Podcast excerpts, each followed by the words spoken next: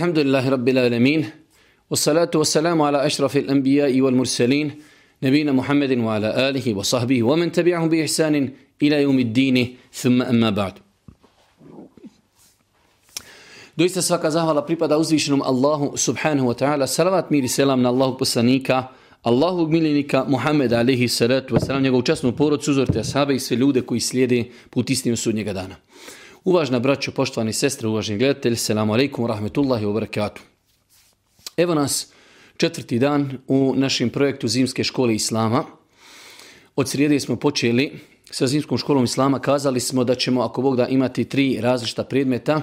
Islamsko pravo fik, u kojim ćemo, ako Bog da, obrađivati osnovni pravni propise koji bi trebao da poznaje čovjek musliman.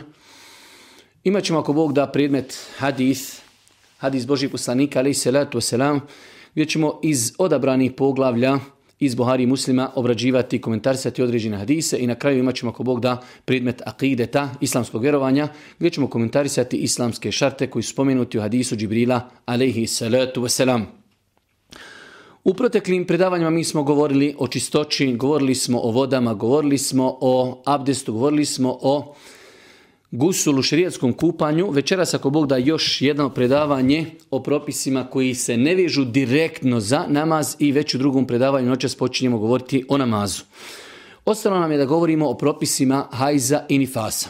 Definitivno svi ovi propisi i abdest i gusul pa evo i hajz i nifas imaju definitivno jaku vezu sa namazom, a isto tako mnogo je propisa koji nisu vezani za namaz, a koji se vezuju za poglavlja hajza i nifasa. Prva stvar, mora da znamo da je uzvišnji Allah subhanahu taj koji je stvorio ženu i stvorio je na način da žena ima e, u mjesec dana jedan period koji se naziva period hajza mjesečnici. Zašto ovo govorimo iz razloga što se nekada dešava da ženama teško pada, pogotovo kada je u pitanju mjesec Ramazan, pa im teško pada to što ne mogu ispostiti cijeli mjesec, osim one žene, e, znači možda koje su e, trudnice ili neke druge, ali generalno većina žena ne može ispostiti cijeli mjesec Ramazana zbog toga što jednom mjesecu dana dobije mjesečnicu. Allah poslanik ali se kada je na oprosnom hađu eh, Aisha radijallahu ta'ala anha dobila mjesečnicu, pa je to malo, hajde kažemo, i povrijedilo, pa je Allah poslanik ali se kazao to je nešto što je propisao uzvišeni Allah, odnosno na taj način je stvorio eh, žene eh, potomke Adema alaihi salatu wasalam, znači to je nešto na što žena ne može utjecati. Ono što je interesantno jeste činjenica da bi žena muslimanka kada već se susreće sa tim pitanjem neminovno, znači 99,9% žena imaju redovnu mjesečnicu, za tu mjesečnicu hajz i nifas vezuju se određeni pravni propisi koji bi trebala da poznaje svaka žena muslimanka, pogotovo kada je u pitanju namazi, kada je u pitanju post. Zato ćemo mi, ako Bog da večeras, pokušati u ovom prvom predavanju kratko i remizimirano da govorimo o hajzu i nifasu, neke najosnovnije tačke tačke, najosnovnija pitanja, a definitivno poglavlje Hajza i Nifasa je izuzetno široko i veliko poglavlje. Islamski učenjaci kada definišu šta je to krv hajza, kažu da je to prirodna i normalna krv. Prirodna i normalna krv, ovo je e, veoma bitno shvatiti zato što žena može krvariti kao plod operacije, može plo, e, krvariti kao plod stresa ili nekih drugih stvari, ali znači Krv hajza je krv koja izlazi na prirodan i normalan način bez nekih vanrednih dešavanja. Pa kažu islamski učenjaci, krv hajza je normalna prirodna krv koja se javlja kod žena. Znači muškarci nemaju mjesečnicu. Onda kada žene postanu punoljetne. Znači samo Prvo dobivanje mjesečnice je u islamu pokazatelj da je žena postala punoljetna.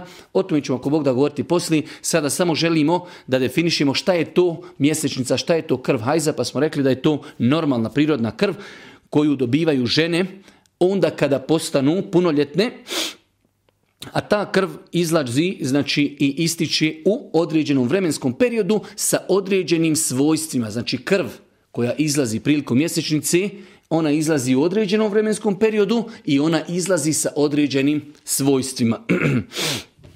Rekli smo da je poglavlje hajza i nifasa, vidjet ćemo poslije malo i o nifasu ćemo progovoriti, veoma bitna stvar zato što se za to poglavlje vezuju mnogi, mnogi pravni propisi, pa je bitno da žena muslimanka poznaje te propise kako se ne daj Bože ne bi desilo da uradi neke stvari koje su joj zabranjene ili da nešto ne uradi što joj je obaveza. Ono što je na početku interesantno spomenuti, a to je da islamski učenjaci kada govori o krvi hajza, spominju da krv hajza ima neke osobine po kojima bi žena trebala da može raspoznati hajz od krvi koja nije hajz. Jer i na kraju ćemo govoriti o pojavi koja se u islamu zove istihaza, znači vandredno krvarinje. Pa je veoma bitno da žena poznaje e, svojstva krvi kada je u pitanju hajz, a koja su to svojstva krvi kada je to u pitanju neko drugo krvarenje mimo hajza, jer za svaku od ove dvije vrste krvi se vezuju apsolutno posebni apsolutno posebni propisi. Prva stvar, e, krv e, hajza ima boju, znači svakako svaka krv je crvena, ali hajz, znači krv hajza je tamno, tamno crvena, e, tamno crvena za razliku od krvi istihaze ili obične krvi koja je izuzetno svjetlo crvena. Znači ovo su svojstva po kojima žena kada dođe u datom momentu u, u neke situacije kada više ne može razaznati šta je hajz, a šta nije, pokušat će na osnovu krvi i svojstava krvi da odluči šta je to hajz, šta nije, odnosno da li mora klanjati ili ne, da li može postiti ili ne i tako dalje. Drugo svojstvo jeste... E, E, da je krv hajza gusta. Znači izuzetno gusta krv, a s druge strane obična krv je, hajde da kažemo, i bistra i tečna. Jednostavno znači nema tu gustoću koju ima gustoća e, krvi hajza. I treće svojstvo jeste da krv hajza ima E, neugodan miris za razliku od obične krvi koja bukvalno nema nikakav miris. Ovo su tri osnovna svojstva koja islamski učenjaci navode u ovom poglavlju i ona su veoma bitno da ih poznaje žena da bi mogla u datom momentu kada dođe u neku nedoumicu da na osnovu, na osnovu ovih simptoma i odnosno osnovu ovih e, svojstava razazna šta je to hajz, a šta nije. Ono što je interesantno isto spomenuti na početku ovog poglavlja jeste činjenica da žena dok je u periodu hajza, ona ima, određena, e, ima određene propise kao da, je, da ne smije klanjati ili ne može se sa njom imati intimni kontakt, ali je žena u osnovi gledano s aspekta stvarnog čista niti je ona neki baksuz, niti je prokljeta, niti treba imati nešto poseban odnos prema njoj u smislu negativan. Normalno znači u islamu žena kada je u pitanju njena vanjština, Govorimo sada o stvarnosti, žena je čista, može kuhati, može hraniti dijete i tako dalje. Znači ovo je veoma bitno, u islamu ne postoje nikakve, nekakve negativne konotacije vezane za ženu u periodu hajza, već imaju određeni propisi koji se vezuju za ženu u tom periodu. Identičan slučaj je sa muškarcom kada je u džunup stanju, odnosno i žena kada je u džunup stanju, oni trebaju da se okupaju kako bi mogli da klanjaju namaz, ali oni mogu u džunup stanju da iziđu u grad, mogu da nešto kupe, mogu nešto da skuhaju, mogu da nešto pojedu, mogu da nekom nešto daruju, jer je njihovo tijelo u osnovi čisto. Tako i žena u periodu mjesečnici je čista stvarno, a pravno je nečista u smislu ne može klanjati i ne može, ne može e, još određene ibadete činiti. Ali stvarno gledajući žena je u hajzu čista, može da kuha, može da dadne nekome i tako dalje. E, Uzvišnji Allah subhanahu wa ta'ala u Kur'anu kaže Jes anil mehidi kul huwa eza Pitaju te u mjesečnici pitaju te u mjeseci, reci to je neugodnost. Reci to je neugodnost. Prva stvar ovdje vidimo, mi smo nedavno o tome govorili, da u pogledu pojašnjavanja propisa, bez obzira što se vezivali za krv, za hajz, za mjesečnicu, za intimni kontakt, ne postoji znači e, stid da čovjek pojasni ove propise. Allah Đelešanu u Kur'anu govori o hajzu. U suri Al-Baqara elune kanil mahid, kul hua edha. Fa'tazilu nisa'a fil mahid, te u mjesečnici, reci to je neugodnost, nemojte se svojim ženama približavati u periodu mjesečnici. Znači, Kur'an nam govori o propisima hajza tako da e, možda nekim osobama prvi put slušaju nešto naučno o tome, da muškarac govori o propisima hajza, znači u islamu nema nikakav problem da o tome muškarac govori e, knjige fikha, ako ne sve, pa velika većina knjiga e, fikha, islamskog prava, imaju u, u, u sebi znači jedno poglavlje, propisi hajza, propisi nifasa, propisi vanrednog krvarinja i stihazi. Tako da normalna je stvar e, da se govori o hajzu, njegovim propisima, zato što jednostavno mnogo je propisa u islamu koji se vezuju za ovu pojavu krvi. Ono što bi trebala musliman kada zna u pogledu hajza, osnova, temelj, na njemu ćemo danas graditi sve ostalo jeste kada žena vidi krv, prvo što treba da pomisli i prvo što treba da kaže jeste da je to hajz. To je osnova. Svakako uvijek se može desiti da žena ima neko vanredno krvarenje, ali ako žena zna da nije imala vanrednih nekih, hajde da kažemo, faktora, nije imala operaciju, nije imala udar, nije imala stres, nije imala nekih problema zdravstveni, vidi krvarenje. Prvo što će kazati, hajz. Allah poslanik ali se letu selam kada je Aisha u, na oprosnom hađu dobila hajz, pa je došao Boži poslanik, zatekao i tužnu plaćnjovu, pa kaže Allahu poslanik, enufisti, jesi li to dobila hajz? Znači prva stvar koja pada na pamet ženi kada vidi krvarenje jeste da je to hajz i samim tim ona ulazi u period hajza i na nju se odnose propisi hajza. To je velika platforma da bi kazali da je to neka druga krv, moramo zato imati dokaz. Osnova je znači ako iz spolnog organa kod ženi ističe krv, to prvo što ćemo zato kazati jeste da je to hajz. I ovo je veoma bitno, veoma bitno pitanje da žena nauči dok vidi krvarenje da je to mjesečnica. Osim ako zato postoji vanredni znači faktori, to je nešto drugo. Islamski učenjaci u knjigama islamskog prava fikha možemo slobodno malo kazati da su e, i otežali poglavlje hajza do te mjere da, da, da, određeni ljudi imaju i fobiju od poglavlja hajza i nifasa zato što su islamski učenjaci određena pitanja e, hajde da kažemo izgradili na tvrdnjama koji nemaju dokaza pa se toliko poglavlje hajza e, otežalo ljudima. Prva stvar, islamski učenjaci pokušavaju definisati kada žena može dobiti mjesečnicu i kada joj prestaje mjesečnica. I u pogledu toga, pošto nema dokaza u islamu, razisli su se u različite stavove. Pa su jedni kazali žena može dobiti tek tada, Problem određivanja kada žena može dobiti mjesečnicu jeste ako mi kažemo žena može dobiti mjesečnicu u devetoj godini. Znači, ako dobije prije toga, to nije mjesečnica. Na osnovu čega ćemo to poništiti ako ne postoji dokaz? Pa je inšala bi iznila ono što smo rekli na početku, prva stvar, ako žena dobije krvarenje, to je hajz, prva stvar. Druga stvar, ne postoji u šerijatu, islamu, u Kur'anu i sunetu Božih poslanika, ali se ratu sram, jasan dokaz kada žena tek može dobiti mjesečnicu. Tako da se to više vraća na podneblje. Imamo podneblja znači gdje, koja su toplija, imamo podneblja koja su hladnija. Tako da to ostavlja mnogo traga na tu pojavu. U nekim podnebljima žene ranije dobivaju mjesečnicu, u nekim podnebljima žene dobivaju kasnije. Mi ako stavimo granicu, Moramo biti spremni ženu koja je dobila mjesečnicu, ako je dobila prije te granice, kazati joj neka, ti si dobila krv, ali ti nisi dostigla još granicu i ti klanjaj, moraš postiti i tako dalje, iako si u mjesečnici. Pa je tačno, znači, inšallah bi iznila da ne postoji granica kada žena može dobiti hajz. Onog momenta kada djevojčica i djevojka vidi prvo krvarenje, ako nema vanrednih faktora, to je za nju hajz. Neka djevojka će dobiti u devetoj godini, neka u desetoj, neka u četrnaestoj, neka u šesnaestoj.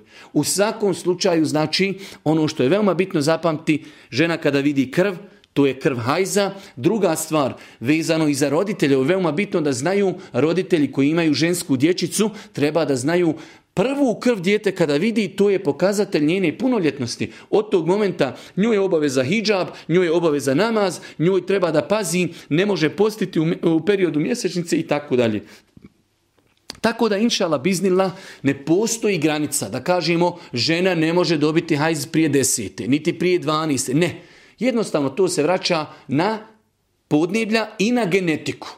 Jednostavno poznato je da određene žene genetski dobivaju određena familija, određene znači žene dobivaju ranije mjesečnicu, druge žene u istom podneblju iz druge familije, iz druge loze dobivaju kasnije mjesečnicu. Pa je ovo veoma bitno da znamo, znaju naše sestre, a i da znaju vezano za njihovu dječicu.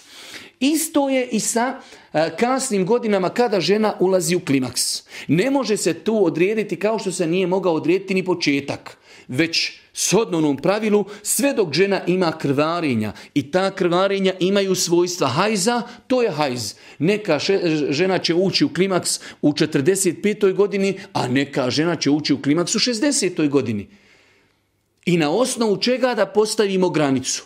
Samo postavljanje granice je mnogo, mnogo problematično, a kada postavimo tu granicu, onda pravimo sami sebi mnogo problema i u datom momentu žena koja ima krvarenje, mi joj kažemo tvoje krvarenje nije hajzi Fas zato što nisi dostigla neku granicu, ti moraš da klanjaš i tako dalje. Nakon toga, znači mi ako pogledamo u dokaze Kur'ana i Sunneta, E, vidjet ćemo isto tako da e, trajanje hajza, trajanje hajza nigdje nije ograničeno. Jest Boži poslanik Ali Selatu rekao da žene u većini slučajeva, i došli su vjerodostojni hadisi, da žene u većini slučajeva imaju hajz mjesečnicu šest ili sedam dana. I to je u većini slučajeva žene imaju mjesečnicu od pet, šest, sedam do osam dana. Velika većina planete ima tu mjesečnicu.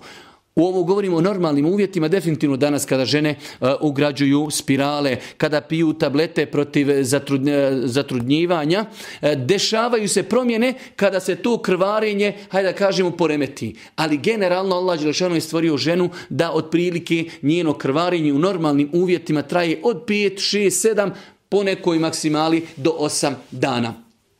Ali generalno, generalno islamski učenjaci opet napravili su velika razilaženja zato što nema dokaza koliki je najkraći hajz i koliki je najduži hajz. U svakom slučaju e, ja lično smatram e, da ova pitanja ne treba vezivati za vrijeme. Znači žena kada dobije krv, ako ta krv je došla u normalnim uvjetima, krv odgovara svojstvima hajza, to je hajz bez obzira koliko trajalo, nekada može ženi hajz trajati samo dva, tri dana, a nekada može trajati i desetak dana. Velika većina učenjaka je kazala ako hajz prijeđi preko 15 dana, više to nije hajz. U svakom slučaju moj savjet sestrama je ako već vide da e, znači krvarenje traje 14-15 dana, onda treba da nazovu nekoga učenog, školovanog i da ga pitaju da im da savjet kakav je propis te e, sestre u datom momentu. Ali je generalno pravilo na koje se mi vraćamo, sve dok ima krv koja je u normalnim uvjetima istekla, znači mi tu krv smatramo hajzom. Ako se desi da krvarenje, hajde da kažemo, bude više od 15 dana, znači već to treba, to je neka vanredna situacija kada treba nazvati nekoga učenog školovanog ko će kazati kako i na koji način da se žena opodi. ali je generalno znači pravilo ne postoji u hadisima Božih poslanika ali se selam dokazi koliko traje najkraći hajz, koliko traje najduži hajz. Zato ćete vidjeti uzvišenje Allah Đelšanu u Kur'anu kada govori o ženama kaže, a kada završi hajz, neka se okupaju. Nije rečeno, a kada prođe 5 dana, neka se okupaju. Kada prođe osam dana, ne. Kada se, kada žene se očiste, neka se okupaju. Hadisma Božijeg poslanika, ali se tu sram, kada ženama naređuje kupanje nakon hajza, nikada nije rekao nakon šest, nakon osam, nakon pet dana, već vezuje sve za pojavu. Kaže Allah Đelešanu, pitaju te o hajzu, a reci to je neugodnost. Sve dok ima ta neugodnost, dok ima e, krv hajza, ima propis. Kada nestane krvi, nestao je i propis.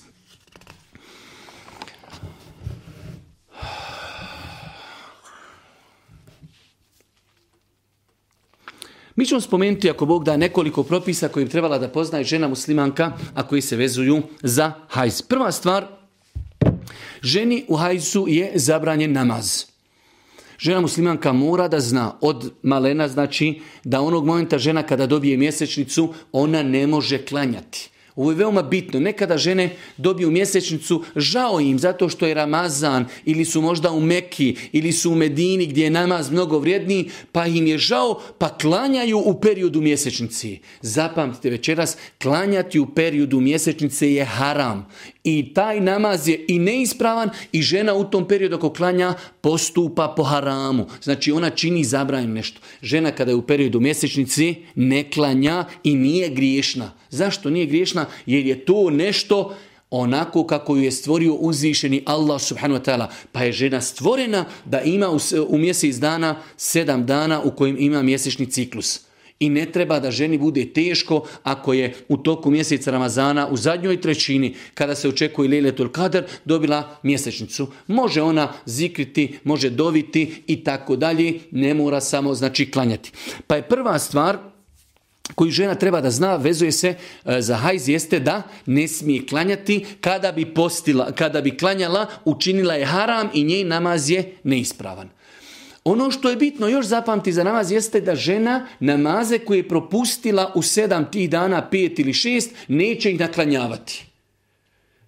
Hvala Allahu Đelšanu kada je ovom umetu olakšao da žena u tih sedam dana kada bi, znači, to bi bilo neki 35 namaza, kada bi ih trebala naklanjati, zaista bi joj trebalo dosta vremena, pa žena neće dane, e, odnosno neće namaze koje nije klanjala, u mjesec neće ih naklanjavati. To je prvi propis oko namaza. Drugi propis jeste post. Post ima određene slične propise kao namaz. Žena u mjesečnici ne smije postiti. Ako bi postila, učinila bi haram i njen post nije ispravan. Znači, žena u hajzu i mjesečnici i nifasu ne smije postiti. Ako bi postila, učinila je haram, njen post nije ispravan. Ali se razlikuje post od namaza zato što je post i bade trijeđi. Post će napostiti kada se očisti. Žena, znači, kada se očisti, ako je bila u Ramazanu, nije šest ili sedam dana postila, kada prođe Bajram, kada prođe, znači, Ramazan, u nekom periodu kada njoj bude odgovaralo, napostit će onoliko dana koliko je trajala njena mjesečnica. U ovome je, znači, glavna razlika između e, namaza i posta. Post se napašta, a nama se ne naklanjava. A dvoje, ako bi žena u hajzu i klanjala i postila, neispravno je postupila, počinila je haram, nije joj to ispravno, namaze neće naklanjati, post će, e, post će napostiti. Ovo se misli prvenstveno na post, na post mjeseca Ramazana. Kada je u pitanju post, isto tako je lijepo spomenuti da post kao i ibadet nije uvjetovan čistoćom. Tako da žena može se desiti, rećemo da, primjer radi sabah nastupa, evo sad u ovom periodu, eh, oko, ne znam, nije oko pola šest. Ako bi se desilo da žena ustane prije sabaha u 5.20 i vidi da je hajz prestao, Vidi da je hajs prestao, ali se ne može okupati prije zori. Nije uvjet za ispravnost posta da se žena okupa prije zori. Žena može kazati ja sutra postim i zapostiti, popiti vode i nešto pojesti, a okupati se nakon što nastupi zora. Svakako prije nego što iziđe sunce. Jer sabasko vrijeme, kao što ćemo govoriti sutra, nastupa pojavom zori do izlaska sunca. U tom periodu će se žena okupati i klanjati saba ali nije joj obaveza da se okupa prije nego znači što nastupi, nastupi sabah. Nadam se inšala da je to jasno. Treća stvar koju treba da zna žena e, u pogledu svakako i muškarci u pogledu hajza jeste da je zabranjeno imati intimni kontakt, spolni kontakt sa ženom koja je u periodu mjesečnici. Kaže Allah Đeršanu, jes kan il mehid, kul huwa fil pitajte mjesečnici, reci to je neugodnost, i nemojte se približavati svojim suprugama u periodu mjesečnici. Allahu poslani kažu više vjerodostojni eh, hadisa, možete sa ženom se naslađivati. isna u Možete se sa ženom naslađivati, muž može poljubiti ženu, mogu se, hajde da kažemo, naslađivati međusobno, samo ne smiju imati intimni kontakt. Pa treći propis koji žena treba da zna da je u periodu mjesečnice je strogo zabranjeno haram da supružnici imaju intimni kontakt, spolni kontakt. Dozvoljeno da se naslađuju jedno drugim, da se dodiruju, da se ljube, ali im nije dozvoljeno da imaju intimni kontakt. To potvrđuje Kur'an i to nam potvrđuju jasni hadisi Božih poslanika, alihi salatu wasalam. Ono što je bitno znati, a to je šta ako bi se desilo? da čovjek, hajde da kažemo, nadladaju ga strasti i spolno ima odnos sa suprugom koja je bila u periodu mjesečnici. U pogledu ovog pitanja, prva stvar, svi učenjaci kažu čovjek je uradio grije. Znači, to što je uradio, on je griješan. Treba da se pokaje. Znači, počinjemo s nuli. Ako čovjek ima intimni kontakt sa svojom suprugom, ima intimni odnos u periodu mjesečnici, počinili su grije, haram. Treba da se pokaju Allah zbog toga. Postoji razilaženje kod učenjaka da li imaju neku obavezu iskupa. Postoji jedan hadis Božijeg poslanika, ali salatu letu u kojim kaže Allah poslanik, ako čovjek spolno e, e, opći sa suprugom u periodu hajza, neka se iskupi sa pola zlatnika ili sa cijelim zlatnikom. U pogledu tog hadisa postoji razilaženje da li je vjerodostojan ili ne. Pa oni učenjaci koji su kazali hadis vjerodostojan, oni su kazali ako čovjek ima spolni, intimni kontakt sa suprugom mjesečnici treba da isplati i kefaret, iskup nakon teubi, a oni koji su kazali da hadis nije vjerodostojan, oni kažu dovoljno se samo čovjek pokaje i nema nikakve obaveze drugi. U svakom slučaju, rekli smo u pogledu ovog hadisa, postoji razilaženje. Ja lično smatram da je bolje da čovjek izdvoji taj kefaret. Bolje, ne kažem obaveza, ali bolje je da sam sebe u jednu ruku malo kazni. E, znači, rekli smo da je Boži poslanik rekao kefaret je da izdaji čovjek zlatnik ili pola zlatnika. Jedan zlatnik je težak 4,25 grama. Znači čovjek ode u zlataru i pita koliko košta 4,25 grama, oni kažu toliko i toliko maraka, on ili eura ili dolara uzme toliko novca i dadne na ime sadaki. Sad postoji različiti stavovi kod učenjaka kada ide dinar, kada ide pola dinara, u svakom slučaju Inšala čovjek prvo ne bi se trebalo to nikada desiti muslimanu, ali ako se slučajno desi, treba i čovjek i žena da se pokaju i da udijeli čovjek znači sadaku, sadaku u vrijednosti 4,25 grama zlata. Nakon toga od propisa koji treba da zna žena jeste da je ženi zabranjeno po konsensu islamskih učenjaka da tavafi oko kjavi u periodu mjesečnici.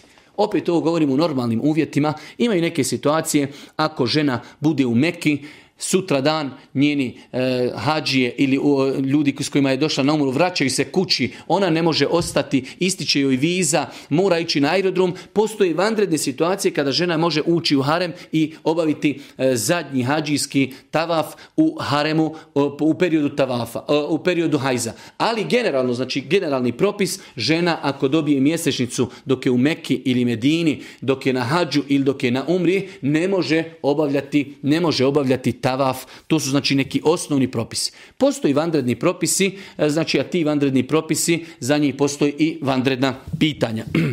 Mi smo govorili kada je u pitanju žena u periodu mjesečnici, kada je u pitanju učenja Kur'ana, rekli smo inšal da ne postoji jasan dokaz koji zabranjuje ženi u periodu mjesečice da uči Kur'an, tako da smo rekli, pogotovo žene koji idu u škole Kur'ana, redovno imaju neke virdove svoje koji uče Kur'an, ponavljaju, da nema smetnje da žena u periodu mjesečice uči Kur'an, s tim što doticanje mushafa ne bi trebala da direktno dotiče, već da to radi sa rukavicama.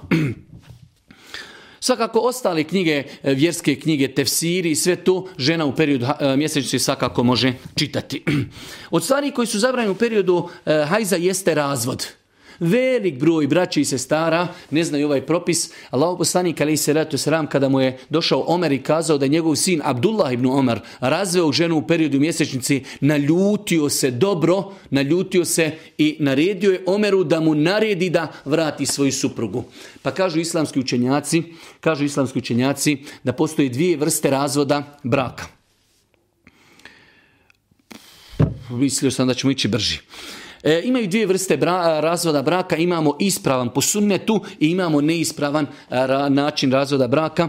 E, ispravno je inšala da čovjek razvede ženu u periodu, u periodu čistoći, ne u periodu hajza, u periodu čistoći u kojoj sa njom nije imao kontakt. Isto tako, velik broj braća i sestara razvedu se pod emocijama u, nekoj ljutnji, u periodu kada je čovjek, iako je žena čista, nije u hajzu, ali su u toj čistoći imali intimni kontakt. Pa znači čovjek ako želi da razvede ženu ispravnim razvodom po sunnetu, onda će i razvesti Um u periodu čistoći, u toj čistoći u kojoj sa njom nikako nije spavao. Ako čovjek samo jednom prespava sa ženom u periodu čistoći, ne može je više u toj čistoći razvoditi. Pa znači imamo imamo e, nekoliko klauzula i ispravno je da ženu treba, ako već neko želi razvesti, razvesti jednim razvodom. Znači, ispravan razvod po je da se razvede žena jedan put, da se razvede u periodu čistoći, u periodu čistoći u koji muž sa njom nije spavao. Ne može se razvoditi u periodu hajza, niti u periodu čistoće u kojoj sa njom intimno spavao, niti više od jedan ovo su znači razlike između ispravnog i neispravnog načina razvoda braka, a opet postoji mnogo razilaženja kod islamskog učenjaka da li neispravan i novotarski način e, razvoda, da li on je pao, da li je se desio, da li se broji i ubraja ili ne, to su opet neke druge teme. Od propisa koji bi trebala da zna žena muslimanka, mi smo jednom spominjali ulazak u džamiju, rekli smo da postoji veoma, veoma jako razilažen kod islamskih učenjaka da li žena u periodu mjesečnice može ući u džamiju.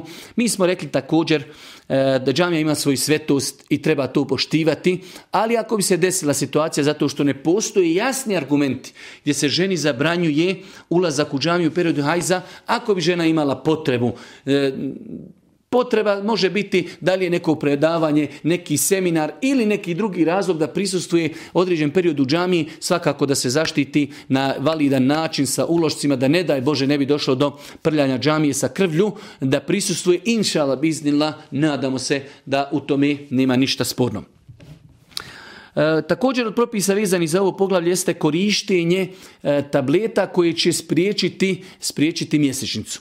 U datom momentu žene imaju potrebu da da odgode mjesečnicu. Nekada je to na hađu, nekada je to na umri u toku Ramazana, a nekada u datom momentu iz nekih drugih razloga u toku mjeseca Ramazana. U svakom slučaju, e, islamski učenjaci u osnovi su to dozvolili, u osnovi. Ali se stvar e, vezuje za medicinu. Ono što, što sam ja mogao čuti i, hajde da kažemo, pročitati od povjerljivih osoba jeste da prvenstveno sve tablete E, koje žene piju u vezi e, zaustavljanja i odgađanja mjesečnice šteti. To je prva stvar. Druga stvar, u većini slučajeva nakon konzumiranja tih tableta kod žene se poremeti period mjesečnici pa traje duže, traje kraće, da e, vrste boje krvi su drugačije i sašta nešto. Tako da moj savjet, ono kao bratski savjet, bez obzira e, da ili ne, savjetujem da to sestre maksimalno izbjegavaju, osim zaista u nekim situacijama kada e, korištenje tih tableta će se svesti na neki minimum i ima velika potreba, ima velika potreba za tim. E, kada je u pitanju kraj e, perioda hajza, islamski učenjaci kažu da će žena na dva načina odlučiti, e, odnosno odrediti kako, je, kako se završava period hajza, a to je, rekli smo, s bijelim iscjetkom, pojava bijelog iscjetka i na kraju krajeva, ako je žena od one vrste žena koji nemaju bijeli iscjedak, onda će to žena odlučiti ili, hajde da kažemo, odrediti na način što će stavljanjem pamučnog uloška ili čiste bijele krpe u u spolni organ vidjeti da je krvarenje prestalo. Nakon toga e, ženi je obaveza da se okupa. Od propisa hajza i nifasa jeste da nakon što prestane krvarenje ženi je obaveza da se okupa i nije mužu dozvoljeno da sa njom ima intimni kontakt prije kupanja. Znači može se desiti ženi da je završilo krvarenje, u tom periodu dok se ona još okupa nije dozvoljeno mužu da sa njom ima intimni kontakt, znači sve dok se ne okupa.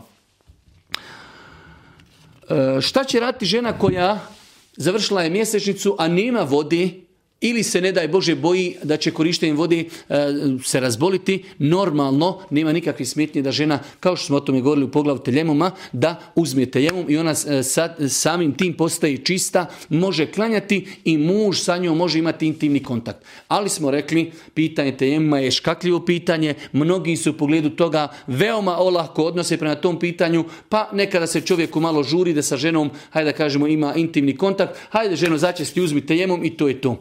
Pa znači, znamo da se temom uzima u situacijama kada žena nema vode ili kada se boji da će koristeći vodu, ne daj Bože, poremet se njeno zdravstveno stanje i tako dalje.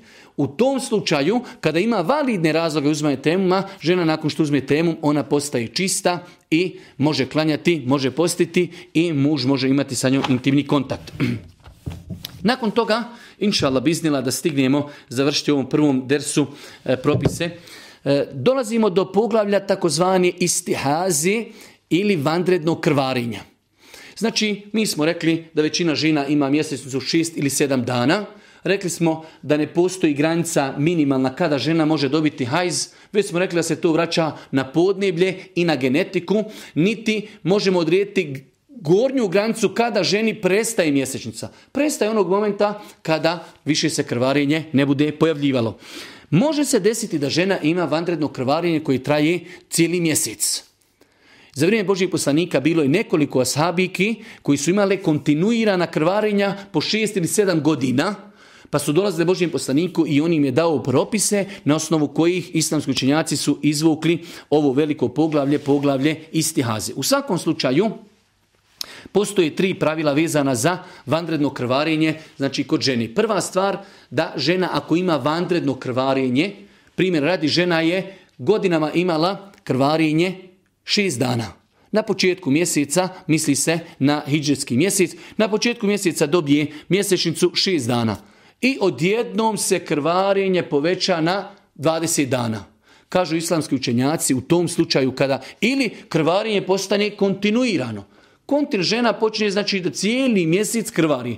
Kažu islamski učenjaci u takvoj situaciji kada žena ima kontinuirano krvarinje, nakon što je imala jasno, znači imala je svoj običaj koliko traje kod nje mjesečnica, kažu islamski učenjaci, ona će onoliko dana koliko je prija njen hajz traju, ako je to primjer radi bilo na početku mjeseca, na početku mjeseca ona će šest ili sedam dana koliko je trajao hajz, to smatrati hajzom, nakon toga će se okupati i ona postaje čista, može klanjati, može postiti, čak njen muž sa njom može imati intimni odnos, a znači ona ima i dalje krvarenje. Ovo se vezuje znači za žene koje imaju kontinuirano krvarenje, kako će postupiti? Prvo pravilo je jeste da su te žene imale e, kontinuiran adet imale su običaj da su znale uvijek dobivaju mjesečnicu na početku mjeseca ili u sredini mjeseca ili na kraju i traje uvijek njihov hajz šest ili sedam dana. One će toliko smatrati da je njihov hajz šest ili sedam dana, nakon toga se okupati i nakon toga njihov propis će biti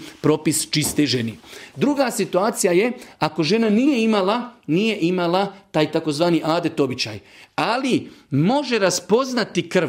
To je ono što smo govorili na početku.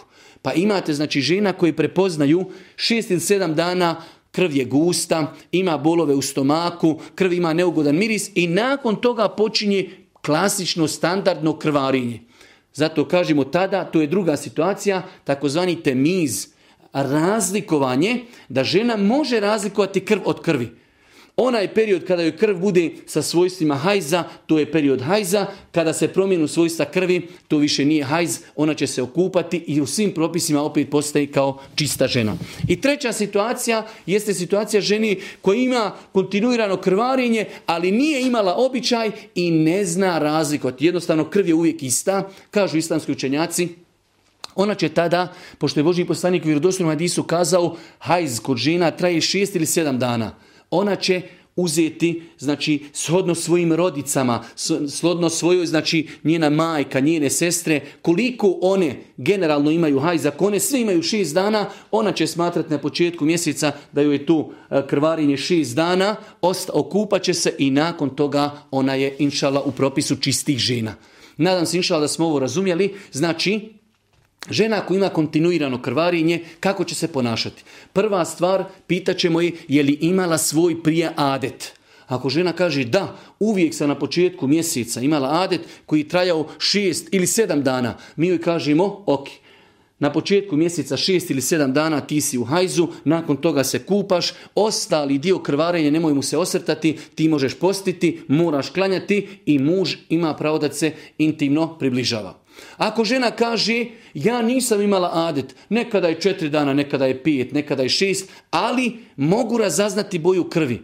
U mene krv teče cijeli mjesec, ali imaju tri, četiri dana kada je krv crna, nakon toga postane bristra. Mi kažemo period kada možeš razaznati krv, to je hajz, nakon toga se kupaš i nakon toga postaješ čista. Imamo treću situaciju kada žena ima kontinuirano krvarinje, ali kaže niti imam adet, nekada je pet dana, nekada je šest, nekada na početku mjeseca, nekada na kraju i krv je uvijek isti osobina. Mi kažemo shodno tvojim, znači ženama iz tvog okruženja, tvoje, tvoja majka, tvoje sestre, e, tvoje tetke, ako one većinom sve imaju hajz šest ili sedam dana, na početku mjeseca odredi da je šest ili sedam dana period mjesečnici, okupaj se i nakon toga, nakon toga postaje čista. Ono što je interesantno spomenuti za ovu pojavu, Znači, rekli smo da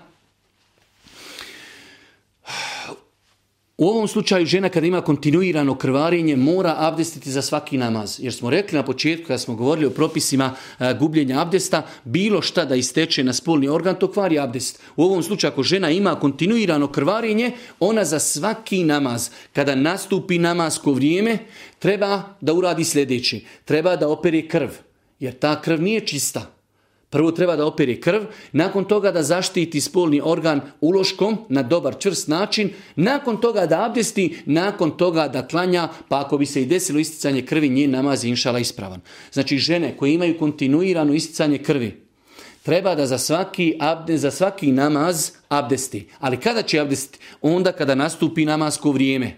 Prva stvar koju će urati opraće krv, jer je krv nečista. Zaštitit će spolni organ uloškom, nakon toga će potpuno abdestiti, nakon toga će klanjati ne osvrćući se više na krvarinje. Rekli smo da žena e, u tom periodu mustahada koja ima istihazu, nakon što se okupa, bez obzira što ima krvarinje, ona uzima propis čistih žena, mislimo pravno čistih žena, može postiti, može klanjati, može učiti Kur'an i ima pravo muž da sa njom ima intimni kontakt. Isto tako ako bi se desilo da to bude u, peri u mjesecu Ramazanu, žena žena ima pravo da bude u i'tikafu, žena koja je u, e, u periodu istihazi, jer je bilo zabilježeno od nekih supruga Božih poslanika da su u periodu itikafa imale istihazu, istihazu znači to kontinuirane krvarinje i bile su u tom periodu u itikafu. Znači, veoma je bitno zapamta žena u periodu istihazi. Mora imati period kada će odrediti da je u hajzu. Nakon tog perioda se mora okupati i nakon toga ona postaje pravno čista. Za svaki namaz će uzimati, nakon nastupanja namaskog vremena, uzimat će abdest, onako kako smo pojasnili. I za kraj, kratko, samo nekoliko minuta da upotpunim ovaj prvi čas. Nifas, to je znači postporodni e, ciklus krvarenje koji nastaje kao plod, e, kao plod rađanja djeteta. Nifas, šta je nifas? To je krv koja ističe nakon, nakon poroda. Sve što smo spomenuli da je zabranjeno ženi u periodu mjesečnice, to je zabranjeno ženi u periodu nifasa. Veoma lako da zapamtimo sve što je zabranjeno ženi u periodu mjesečnici, zabranjeno je u periodu nifasa, sve što je dozvoljeno ženi u periodu mjesečnici, dozvoljeno je u periodu nifasa. Kada je u pitanju najniži period nifasa i nema granice. Neke žene mogu imati dan nifas, neke heftu, neke 10, neke 30. Onog momenta kada žena, kada joj krvarenje prestaje, ona postaje čista i obaveza je da se okupa pa makar to bilo prije 40 dana. Kod nas postoji neko pravilo, postoji neko pravilo da žena sjedi u kući 40 dana, ne kupa se, ne klanja, ne izlazi nigdje iz kuće i tako dalje. Kad je u pitanju izlazak iz kuće, u to se nećemo miješati, Islam to ne definiši. Žena može izići ako je zdravstveno sposobna da iziđe, to joj Islam nije zabranio. Ali ono što joj Islam definisao, ako krvarinje prestani, ali bude sigurna da je prestalo krvarinje, 15. dan, 20. dan, 30. dan, žena će se okupati, postaje čista, može klanjati, može ušti Kur'an, ako je u Ramazanu može postiti, ako je zdrava. Ovo je veoma bitno, znači nećemo čekati 40. dan. Najveća granica nifasa, zaista jedno pitanje koje ja evo već danima istražujem, Džumhur Uleme je kazao da žena maksimalno može imati nifas 40 dana. Nakon 40 dana žena se mora okupati i postaje čista, meni se srce na tome nije smirilo e, ako su svojstva krvi. Svojstva krvi ista su i 40. i 41. dana. U svakom slučaju, e, šehu Lislam ibn Rahmetullah rahmetullahi alihi, šafijski mezeb i drugi učenjaci smatrali su da nifas može trajati i 60 dana, pa čak i više. U svakom slučaju, moj savjet je sestrama, ako bi se slučajno desilo da nifas traje više od 40 dana, da kontaktiraju neku učenu osobu i da pitaju e, kakav je propis važi za njih. Generalno, ako je krv ista krv, onda treba da uzima isti propis, bilo prije 40. ili nakon 40. dana.